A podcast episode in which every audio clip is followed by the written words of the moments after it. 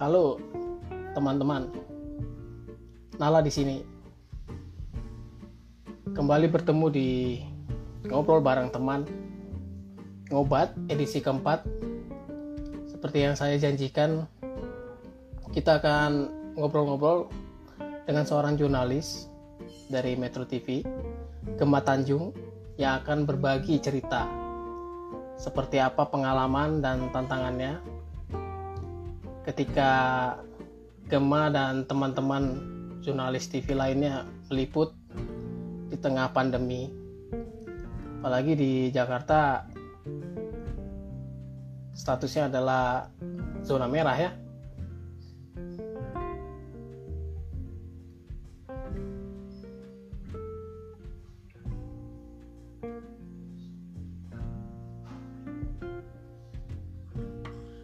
Kita tunggu Gemma.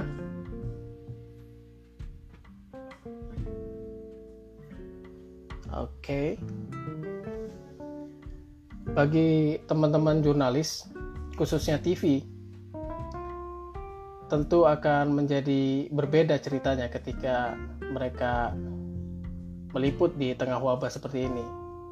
Tidak seperti teman-teman media cetak atau uh, online lainnya yang mungkin bisa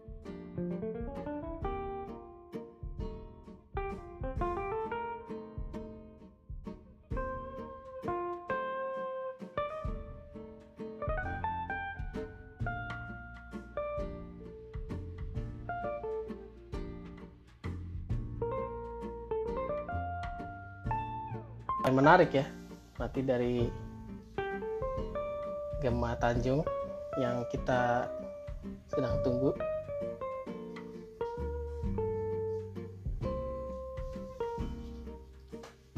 Untuk ngobrol bareng teman edisi keempat ini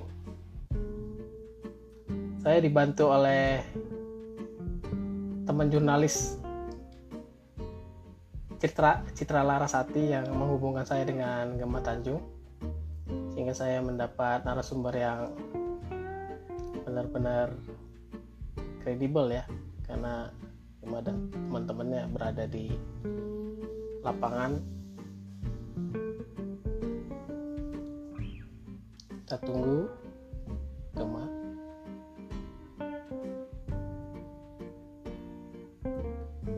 kebetulan ngobrol bareng teman edisi keempat ini bertepatan dengan hari Minggu tanggal 10 Mei 2020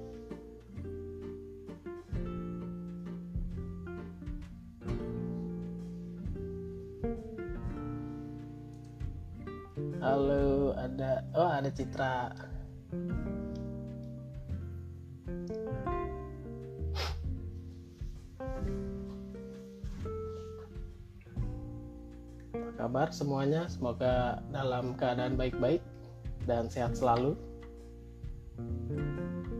Beberapa daerah kabarnya juga udah mulai melakukan reopen ya.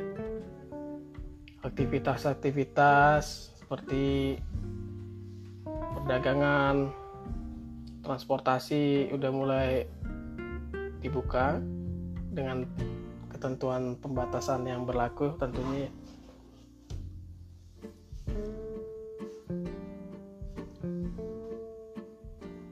tunggu Gemma ya.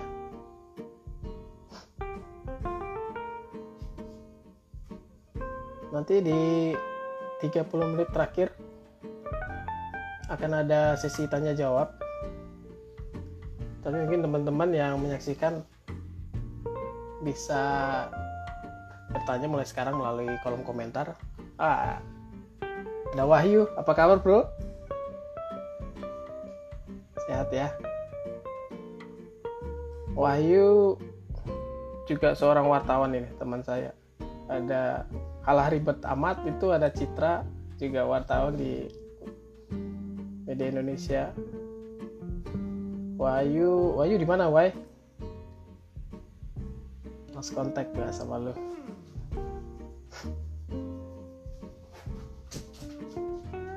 semoga jaringan bagus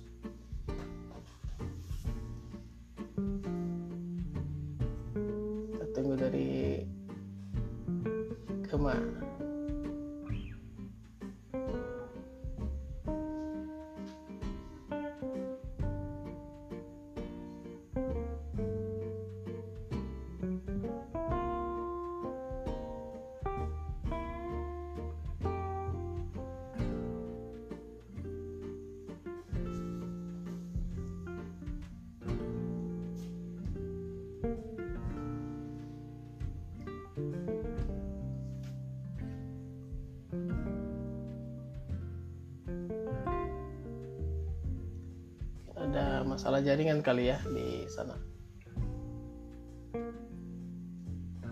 Halo Gema, come on join.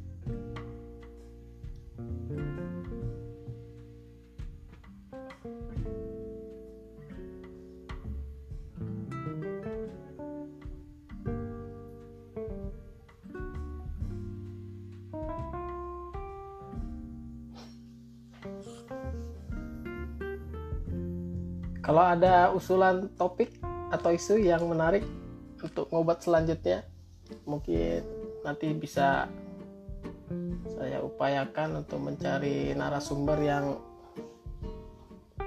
bisa berbagi cerita dan pengalaman ke kita semua. Beberapa tema yang ingin saya usung untuk edisi selanjutnya mungkin terkait ini ya kan banyak yang pekerja di PHK mungkin dari sisi hak pekerja dan kewajiban pengusaha bagaimana kebijakannya terkait fenomena itu atau keputusan tersebut. Mungkin narasumbernya bisa mengundang naras eh, konsultan hukum khususnya ketenaga kerjaan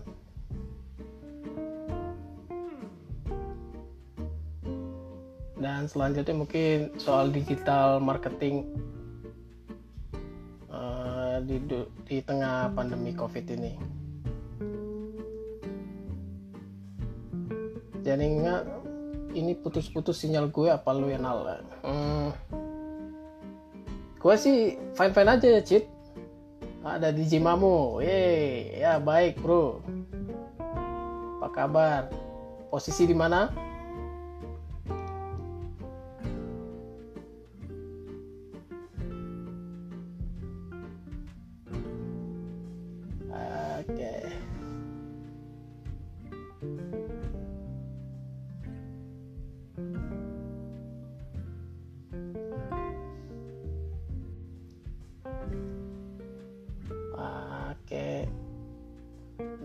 kita belum muncul ini mungkin jaringannya di Jakarta. Hujan deras ya kabarnya ya di Jakarta Jawa Barat.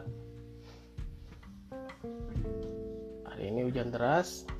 Begitu juga suara aku. Hai Gema. Ya.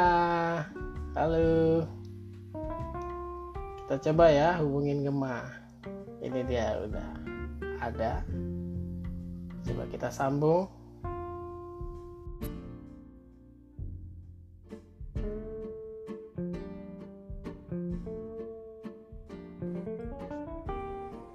Halo.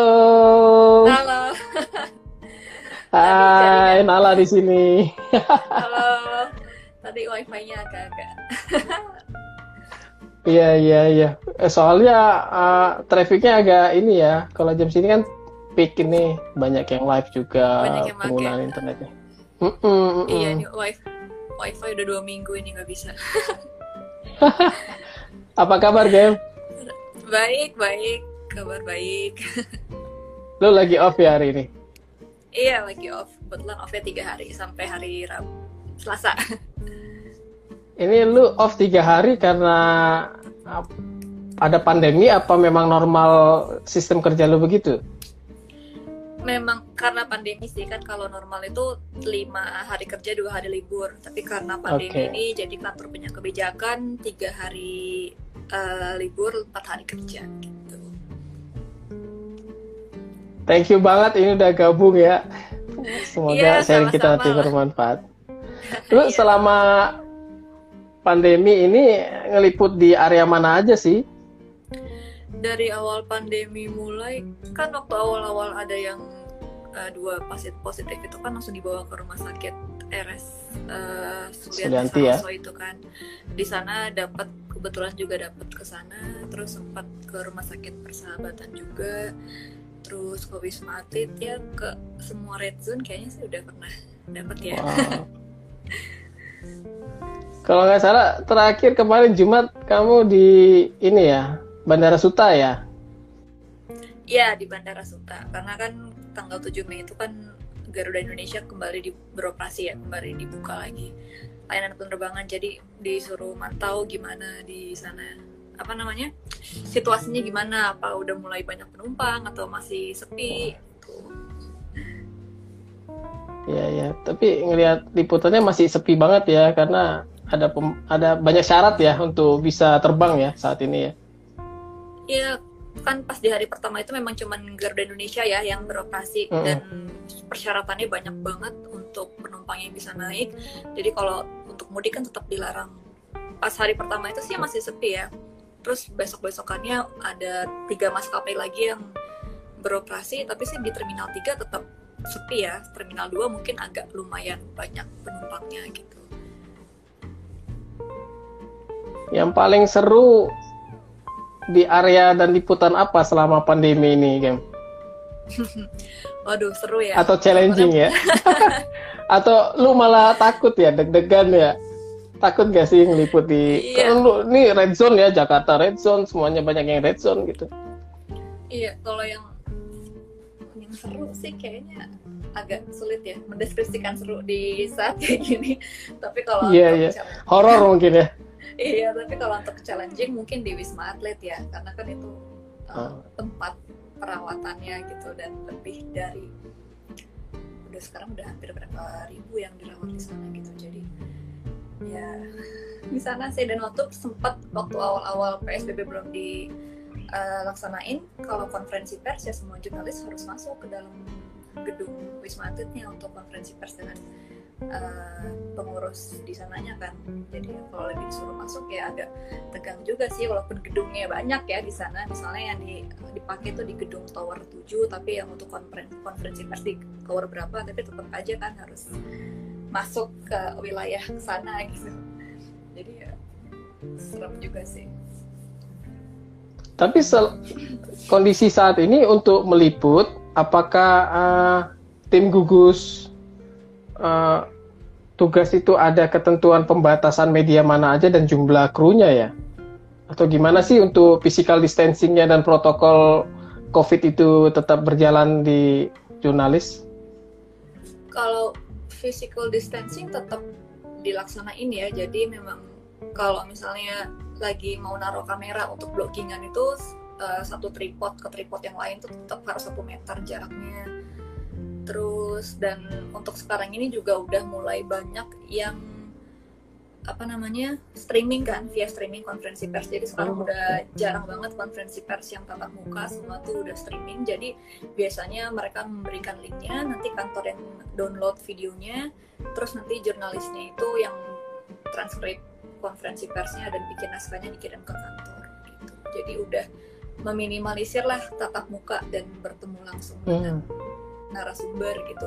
Pun kita misalnya disuruh nyari narasumber juga untuk yang mewawancara satu tokoh gitu juga biasanya sekarang udah ada option untuk minta narasumbernya itu mengirimkan video.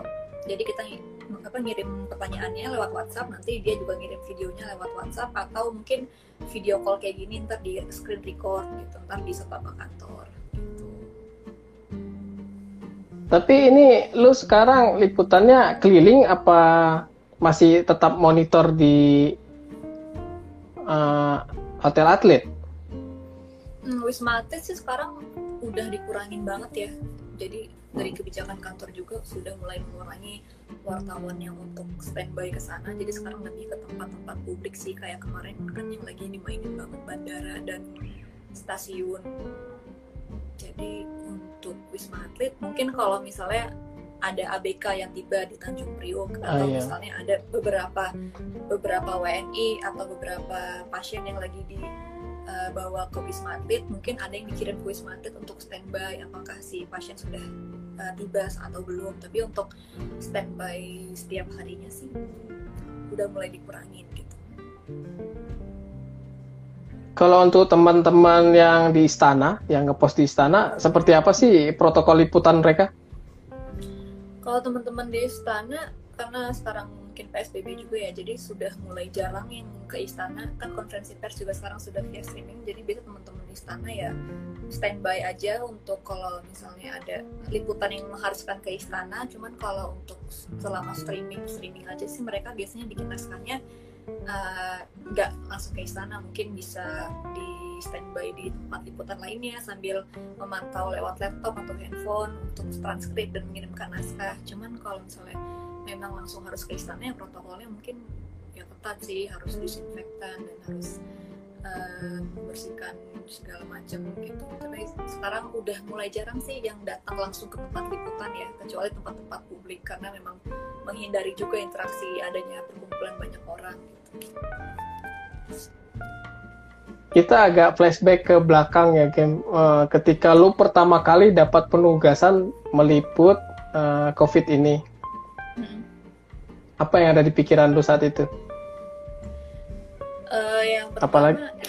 itu resiko ya resiko okay. pekerjaan ya kayak semua semua reporter juga mendapat giliran untuk liputan di uh, covid dan jurnalis televisi khususnya nggak akan bisa untuk work from home ya dan nggak yeah. semua juga nggak semua teman-teman juga yang online dan uh, cetak mungkin dapat uh, kelebihan untuk work from home tapi televisi memang satu-satunya mungkin media yang nggak bisa work from home jadi itu yeah. menjadi risiko pekerjaan ya paling kalau waktu awal-awal disuruh untuk liputan covid ya kami banyak diskusi tim lapangan dengan orang kantor banyak diskusi dengan atasan apa aja yang dibutuhin tim lapangan di selama di lapangan mungkin kayak penyediaan masker waktu sebelum puasa juga disediain vitamin setiap hari terus hmm. kantor juga kemarin sempat mengadakan um, apa vaksin influenza yang mungkin memang vaksin uh, influenza nggak bisa ya untuk yeah. apa namanya untuk beda ya beda untuk COVID. Ya. Tapi mm -hmm. seenggaknya seenggaknya kalau sudah vaksin influenza kan badan jadi fit terus ya. Betul. Dan maksudnya menguat mungkin menguatkan imun aja gitu supaya nggak uh, gampang sakit. Ya paling mas pembagian masker sih yang selalu disediain sama kantor dan kami di tim lapangan juga boleh isi ulang hand sanitizer setiap uh, hari di kantor dan kantor juga menyediakan disinfektan box di setiap sudut. Jadi kalau kita pulang kantor bisa uh, dibersihin di kotak uh, disinfektan itu. Terus juga semua alat liputan kalau sudah tiba di kantor nggak boleh langsung masuk ke ruangan camp store tempat penyimpanan kamera dan barang-barang liputan. Semua harus melewati uh, pembersihan dulu. Harus disemprot disinfektan di alat dulu dan baru boleh dimasukin. Jadi sekarang prosedur untuk pulang liputan ke kantor juga lebih panjang dari biasanya gitu untuk wow. untuk menjaga kebersihan kantor. Artinya kantor juga membuat SOP tersendiri ya untuk teman-teman jurnalis ini ya? Iya udah buat SOP sendiri dan sebagian orang-orang kantor yang bisa work from home juga sudah di apa di kebijakannya sudah diubah menjadi kerja di rumah. Mungkin yang di kantor ya teman-teman redaksi aja sih kayak produser dan korlip tim lapangan terus mungkin sebagian teman-teman dari sales atau HRD juga masih ada sebagian yang kerja. Tapi untuk yang bisa dibawa ke rumah sih mereka sudah work from home. Jadi kantor juga sudah mulai nggak banyak orang gitu Oke, menarik juga ketika lo katakan hmm, ini resiko kerja ya. Tapi setidaknya uh, sekuat apa pun manusia, ketika dia di kondisi uh, insecure gitu ya, pasti dia merasa ini juga ya, agak ada terganggu juga. Seperti apa lo uh, bisa berkompromi dengan dengan itu gitu? Atau hanya cuma mengatakan, ah ini kan resiko kerja gitu? Pasti ada ininya dong. ya selain resiko pekerjaan ya gimana ya mungkin ada keinginan untuk bisa menyampaikan informasi juga kali ya ke publik karena kan waktu awal-awal covid hoax banyak banget ya. Maksudnya mungkin salah media menjadi salah satu bantuan juga untuk publik mengetahui hari ini update-nya berapa dan mungkin kalau misalnya ada sesuatu yang miss di pemerintah kan media bisa memblow up itu. Jadi bisa ada yang lebih ditingkatkan lagi oleh pemerintah mungkin. Sebenarnya kan kami juga menjadi penyampai informasi yang valid ya. Karena kan kalau cuma mendapatkan informasi dari mungkin media sosial apa adanya lembaga yang resmi kan pasti itu belum begitu valid gitu. Tapi kan kalau udah di masuk ke media mainstream setidaknya kan sudah ada narasumber yang kami sudah konfirmasi gitu. Jadi seenggaknya publik bisa dapat berita yang lebih valid gitu kalau media saat ini masih bekerja. Kalau misalnya media semua work from home dan media ditiadakan selama covid nanti publik dapat info dari mana? Ya kan? Misal apalagi akurat ya. dan faktual ya, ya apalagi televisi kan yang hampir standby 24 jam ya kalau ada apa-apa gitu dan kayak misalnya Pak Ahmad Yuryanto aja setiap konferensi pers kan sekarang televisi sudah standby breaking news ya untuk menyiarkan dia langsung menyampaikan informasi jadi kan menjadi apa ya tempat ya untuk publik sih mengetahui informasi terbaru saat ini gimana di masa-masa pandemi ini gitu. ada nggak situasi ketika lu liputan ya. Emosi lu kebawa gitu atau terenyuh melihat kondisi yang lu lihat di lapangan. Pernah nggak selama ini selama liputan di pandemi? Terenyuh sebenarnya selama liputan pandemi ini kan nggak pernah melihat langsung kondisi bagaimana di dalam perawatannya seperti apa gitu ya. Tapi paling kalau uh, lagi liputan-liputan di rumah sakit atau di wisma atlet kan melihat para tenaga kerja itu kan salut banget sama mereka yang terus uh, bekerja kalau mungkin kalau media kan nggak nggak selalu kerja ya maksudnya masih ada jam-jam office hournya nanti bisa pulang. Tapi yeah. kan iya. kalau tenaga tenaga kesehatan ini nggak mungkin mereka bisa nonstop ya cukup itu iya mereka nonstop apalagi mm -hmm. kan sekarang kurvanya masih belum stabil banget setiap hari masih ada yang uh, bertambah gitu uh, jumlah pasiennya. Jadi kan mereka pasti akan lebih sibuk. Belum lagi misalnya di daerah-daerah ada sudah ada klaster-klaster barunya pasti kan tenaga kerja di pulau-pulau Jawa ini kan akan langsung ditransfer ke sana. Itu salah satu kenapa penerbangan diperbolehkan kan juga waktu itu dibilanginnya karena untuk mentransfer para tenaga-tenaga kerja atau mungkin ada alat kesehatan yang harus ditransfer ke luar Jawa dan harus ada orang yang menggait alat kesehatannya itu kan keluar.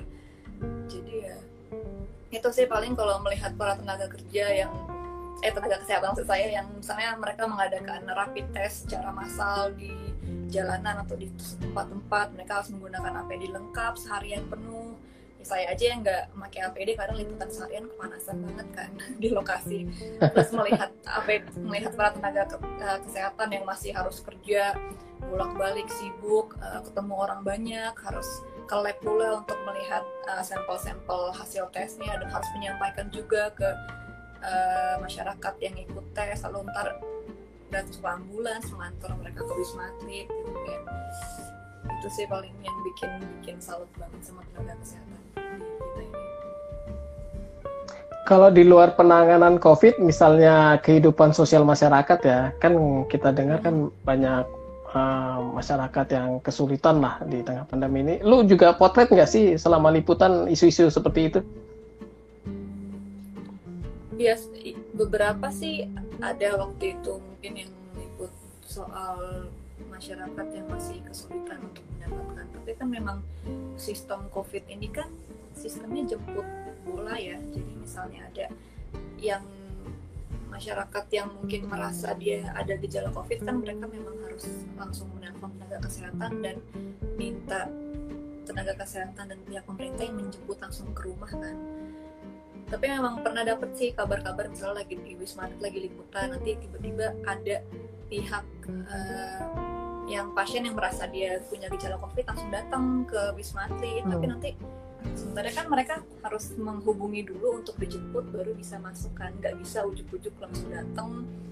Dan atau prosedurnya juga banyak walaupun memang wisma atlet kan untuk yang individunya yang mandiri ya. Maksudnya memang pasien-pasien yang mampu juga untuk sendiri ke sana gitu. Tapi kan harus melewati beberapa tahap juga. Dan mungkin kadang sedih juga sih melihat di wisma atlet ada keluarga ya keluarga yang mengantarkan makanan atau mengantarkan pakaian. Karena kan di tower satu itu keluarga boleh datang untuk mengantarkan barang-barang dari pasien tapi nggak boleh hmm. masuk ya.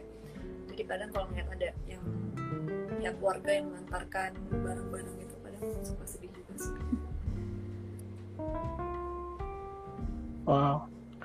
Uh, aku lihat di feed Instagram lo itu ada ini ya ada video soal mensterilkan alat atau membersihkan alat ya setelah liputan segala macam. Iya. Itu teman-teman Metro sendiri yang bikin atau bareng-bareng sih ide-ide dengan jurnalis lainnya?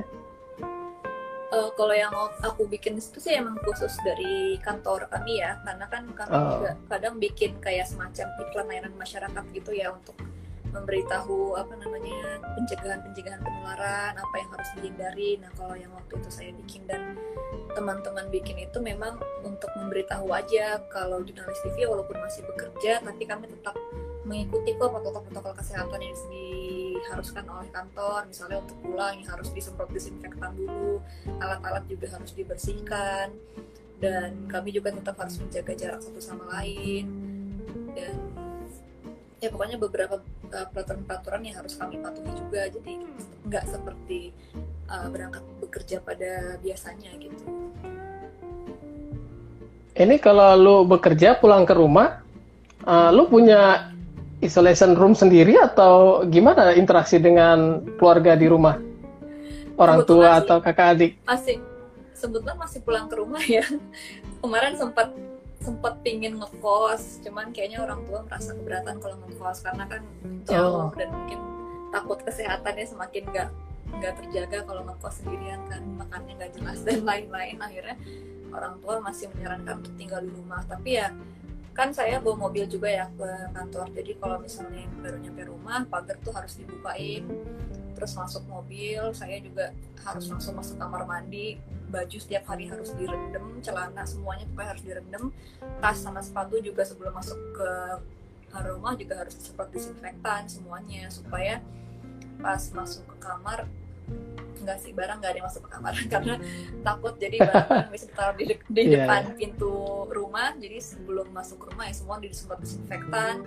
Terus misalnya alat-alat liputan kayak earphone atau kacamata ya casan atau dompet juga bisa sebelum saya pulang ke rumah udah saya lap-lap pakai Hmm. uh, hand sanitizer juga saya lap pakai uh, tisu dan lain-lain jadi supaya untuk dipakai di rumah lagi juga sudah steril gitu. Kalau minggu depan rencananya meliput ke mana nih, Gen? Udah ada belum agendanya? Hmm, kalau agenda sih dari Korlit tuh biasanya harian, jadi biasanya Oh, tugas itu baru ada di, di hari di pagi atau mungkin di malam sebelum sehari sebelum liputan. Jadi kami biasanya nggak tahu minggu depan ke mana. Cuman biasanya kami sudah bisa sih melihat kira-kira minggu depan mainnya ke mana ya. Kalau misalnya kayak kemarin pas uh, mudik dilarang, kami sudah kira-kira nih kira-kira pasti liputannya kalau nggak di perbatasan seperti di Cikarang Barat atau perbatasan di mana karena kan pasti pihak-pihak kepolisian sudah menjaga para pemudik untuk keluar dari kawasan Jabodetabek kan. Atau misalnya minggu minggu ini kan yang lagi eh, yang lagi baru informasinya ini layanan penerbangan dan layanan layanan darat sudah mulai dibuka transportasi. Berarti minggu depan mungkin masih isunya soal itu memantau apakah ada penambahan penumpang lalu penumpang-penumpang yang menaiki pesawat atau kereta ini sudah mengikuti syarat-syarat yang diberikan oleh pemerintah atau belum seperti itu. Soal isu reopen so- uh, transportasi itu menarik ya. Uh, Kira-kira seperti apa sih uh, maskapai penerbangan yang akan dibuka? Berapa banyak tuh nanti? Udah ada ininya belum? Clue-nya sedikit. waktu eh, kemarin sih kan memang yang hari pertama itu Garuda Indonesia doang ya yang dibuka tanggal 7 Mei. Kemudian besok harinya itu Citylink juga udah buka, Sriwijaya juga udah buka. Lalu hari ini baru banget eh, Lion Group buka juga eh, operasi layanan penerbangan. Terus untuk terminal kan memang cuma dua terminal ya yang dioperasikan, terminal 2 dan terminal 3. Dan Garuda juga sama Lion Group juga sedang membuka penerbangan internasional. Jadi kemarin pas saya liputan di Terminal 3 saya sempat ketemu sama beberapa turis kayak turis dari Jepang, turis dari beberapa turis lah pokoknya mereka juga ingin Oh, langsung pulang. Oke. Mungkin mereka Oh, mungkin mereka kemarin sempat tertahan ya di Jakarta kemudian ketika stranded penerbangan ya. sudah dibuka hmm, mereka langsung langsung mau pulang ke rumahnya masing-masing gitu. Cuman kalau untuk penumpang dari eh, Indonesia sendiri sih saya lihat memang beberapa sepertinya ingin tugas dinas ya karena kan nggak bisa Oke. penumpang penumpang yang untuk mudik doang umum kayak, ya oke okay. hmm, kayak Harni teman saya tadi sempat meliput kalau ada penumpang yang ingin keluar kota karena orang tuanya meninggal jadi memang dia harus bawa surat pernyataan meninggal orang tuanya dan surat-surat kesehatan kalau dia memang negatif COVID dan kalau surat itu sudah dikonfirmasi dan sudah diterima oleh pihak bandara baru dia boleh berangkat. Gitu. Hmm, masih ketat juga ya sebenarnya dan ada pembatasan juga ya. Iya supaya nggak kecolongan sih. Kalau teman-teman jurnalis yang meliput COVID ini dapat privilege misalnya uh, rapid test atau ini nggak rapid test ya? Dapat nggak? Rapid rapid test sih saya kemarin sempat rapid test tapi sudah sekitar sebulan yang lalu deh kayaknya. Biasanya sih hmm. kantor bekerja sama dengan beberapa pihak nanti ada rapid test massal.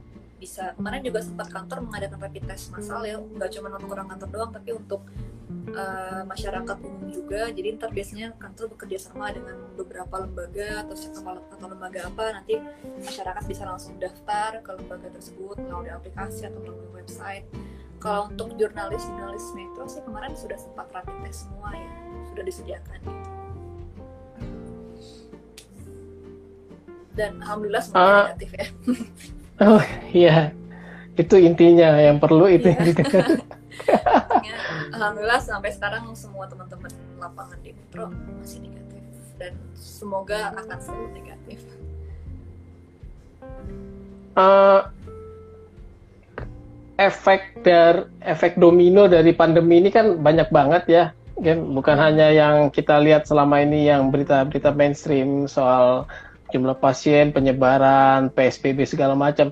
Tapi ada isu-isu yang di luar itu bakal uh, jadi isu yang menarik gak sih buat teman-teman jurnalis? Misalnya kan banyak kebun binatang nih yang hmm yang babak belur ya untuk ngasih yeah. makan hewannya segala macam atau yang kurang populer sekalipun gitu. Misalnya berita kriminal itu tetap dimonitor teman-teman jurnalis nggak sih? Atau jadi highlight di uh, media masing-masing nggak sih?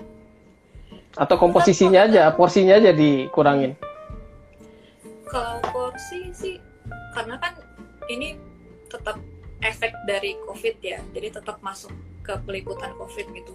Kalau itu tetap sih kemarin juga sempat Metro bikin soal uh, liputan yang donasi untuk kebun binatang karena kan oh, okay. binatang yang salah satu yang kebun binatang yang mengkhawatirkan kan di daerah Sumut itu kemarin juga sudah ada liputannya. Lalu kemarin juga teman-teman sudah sempat bikin liputan mendalam, liputan feature uh, sama beberapa masyarakat yang mungkin kena efek pandemi ini mereka di PHK dari kantornya itu juga sudah dibikin dan perekonomian juga masih sih kayak teman-teman saya yang di uh, desk ekonomi juga sampai hari ini masih meliput di bursa efek mereka masih terus live dari bursa efek untuk mantau gimana saham selama di pandemi ini walaupun oh. angkanya selalu kurang baik ya tapi maksudnya untuk hal-hal ya. itu masih iya masih terus dipantau kriminal-kriminal juga mungkin kalau kriminal yang udah tingkat nasional yang masih masih diliput dan Metro kan juga punya banyak kontributor ya di beberapa kota-kota di Indonesia. Jadi untuk berita dari semua daerah tuh masih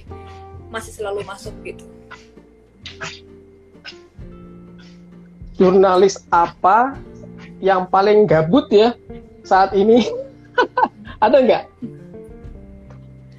Gak ada sih ya. Walaupun teman-teman uh, jurnalis lain misalnya cetak atau online kan memang sebagian sudah ada yang work from home ya. Tapi saya selama ini masih ngobrol sama teman-teman yang lain mereka sangat-sangat tidak gabut di rumah. Mereka tetap memantau tetap memantau konferensi pers online tetap memantau uh, press release dari beberapa uh, lembaga dan masih juga harus menghubungi narasumber untuk bikin berita. Karena kan tetap walaupun mereka di rumah kan tetap harus berita tetap harus dibikin kan. Nggak mungkin satu media satu hari nggak ada berita apa pun gitu. Jadi nggak ada sih. Nggak ada yang gabut sama sekali. Even di work from home pun mereka tetap harus standby gitu. Itu ada yang protes ah jurnalis gabut nggak akan ada. Yeah. gue diprotes. Gak, tapi gak ada uh, sih.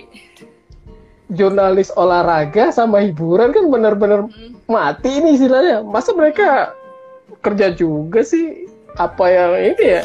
Iya uh, kebetulan uh, pacar saya kan jurnalis juga dia di kanal hiburan juga dia masih bekerja kok setiap hari Oke. Okay. Dia tetap tetap bekerja setiap hari untuk bikin liputan feature fokus yang liputan panjang mendalam gitu. Dia tetap mengerjakan itu misalnya isu-isunya ya mungkin masih agak ngerempet-ngerempet covid ya ataupun enggak ya tetap mereka harus tetap riset, tetap harus menghubungi narasumber, tetap harus uh, bikin uh, long formnya seperti apa yang harus di uh, ditulis dan untuk beberapa bulan ke depan mungkin harus apa yang dikerjakan gitu. Jadi mau hiburan dan sport sih tetap masih sibuk ya di kantor Metro pun yang sport juga masih bekerja gitu karena kan masih ada rubrik oh, sportnya ya? di kantor karena kan satu okay. setiap program berita kan tetap harus ada selipan sport ya biasanya kan di segmen-segmen terakhir jadi sport tetap harus ada gitu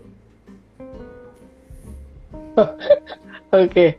itu ada pertanyaan tadi uh, ketika kalian bekerja misalnya ada proses editing video segala macam di kantor itu uh, apakah kalian dalam satu waktu jebruk gitu segala macam kayak kondisi normal apa memang ada shift-shiftan sih ganti-gantian di kantornya gitu? Hmm. Kalau untuk teman lapangan di reporter dan kameramen kan memang ada shiftnya ya setiap hari ada di shift subuh, shift pagi, shift siang. Dulu kan memang ada shift malam tuh patroli dari jam 9 malam sampai jam 6 pagi tapi karena sekarang kondisinya sudah tidak memungkinkan untuk patroli di malam hari dan mungkin berita juga di malam hari sekarang udah nggak ada ya karena kan udah psbb semua orang harus di rumah mm -hmm.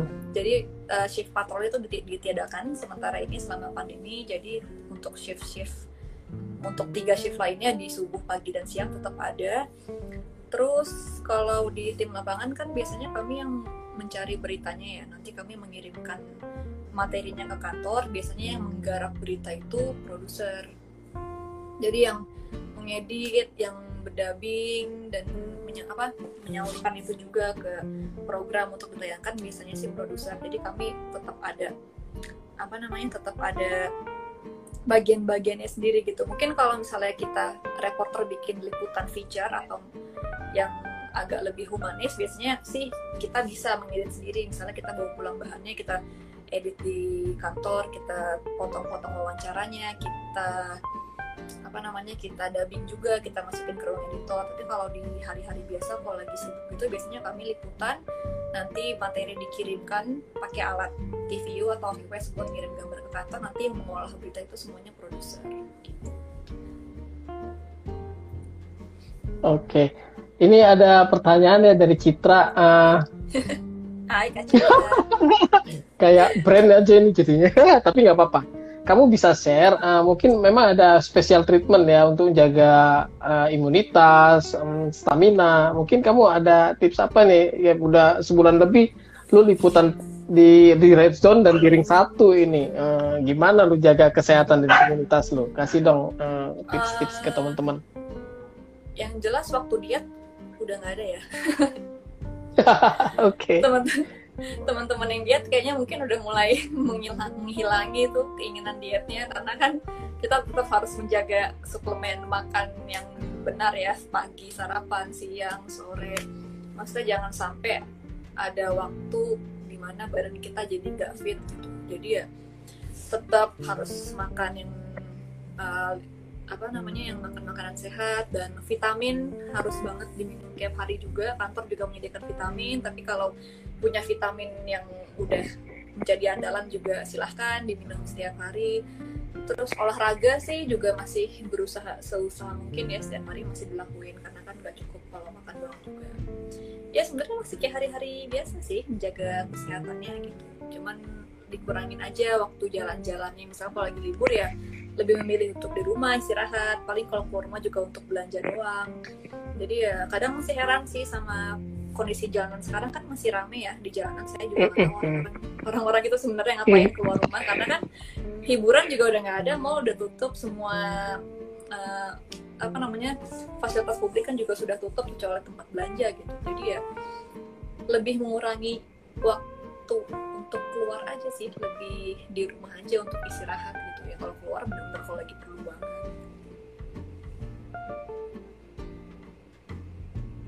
Ya, yeah. Oke. Okay. Uh,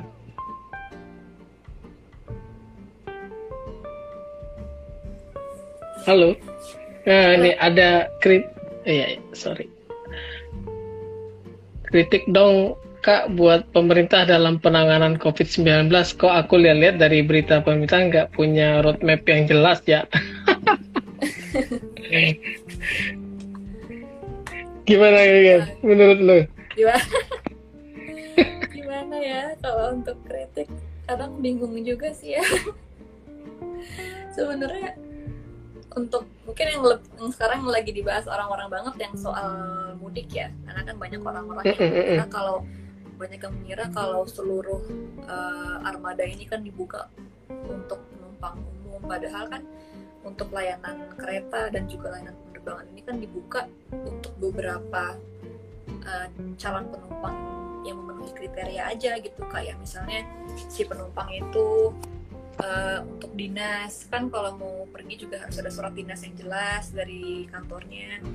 Terus misalnya orang-orang yang butuh kesehatan darurat yang harus keluar kota atau misalnya seperti tadi yang harus uh, keluarga inti ada yang meninggal jadi mereka baru bisa keluar kota gitu. Dan untuk repatriasi yang WNI jadi WNI WNI juga sudah dipulangkan kembalikan ke Indonesia sama mahasiswa mahasiswa. Jadi ya apa ya kritiknya ya? Mungkin gini ya uh, uh, publik melihat uh, awal-awal penanganan COVID dari pemerintah itu kan kesannya kayak kurang transparan tuh. Dalam perjalanan ke sini mereka udah mulai terbuka, mendisclose uh, semua banyak hal gitu ya. Itu dirasakan juga nggak sih teman-teman wartawan uh, ketika melip, awal-awal meliput pandemi sama saat ini gitu? Ada nggak sih informasi-informasi yang ah nanti dulu dong, jangan diturunin dulu dong beritanya gitu-gitu atau hal-hal yang dibilang pemerintah uh, uh, nanti dulu di hold dulu nih berita gini atau kesulitan teman-teman mendapat informasi ada nggak sih beda-bedanya begitu awal sama sekarang? Waktu awal-awal kesulitannya untuk nge-reach narasumbernya itu ya kadang masih banyak beberapa narasumber yang kita tuju tuh kadang nggak ngerespon kalau kita hubungi gitu karena mungkin mereka juga sibuk dan di masa-masa pandemi ini juga sulit banget untuk melakukan wawancara langsung ya karena kan mereka juga sudah mulai jaga jarak.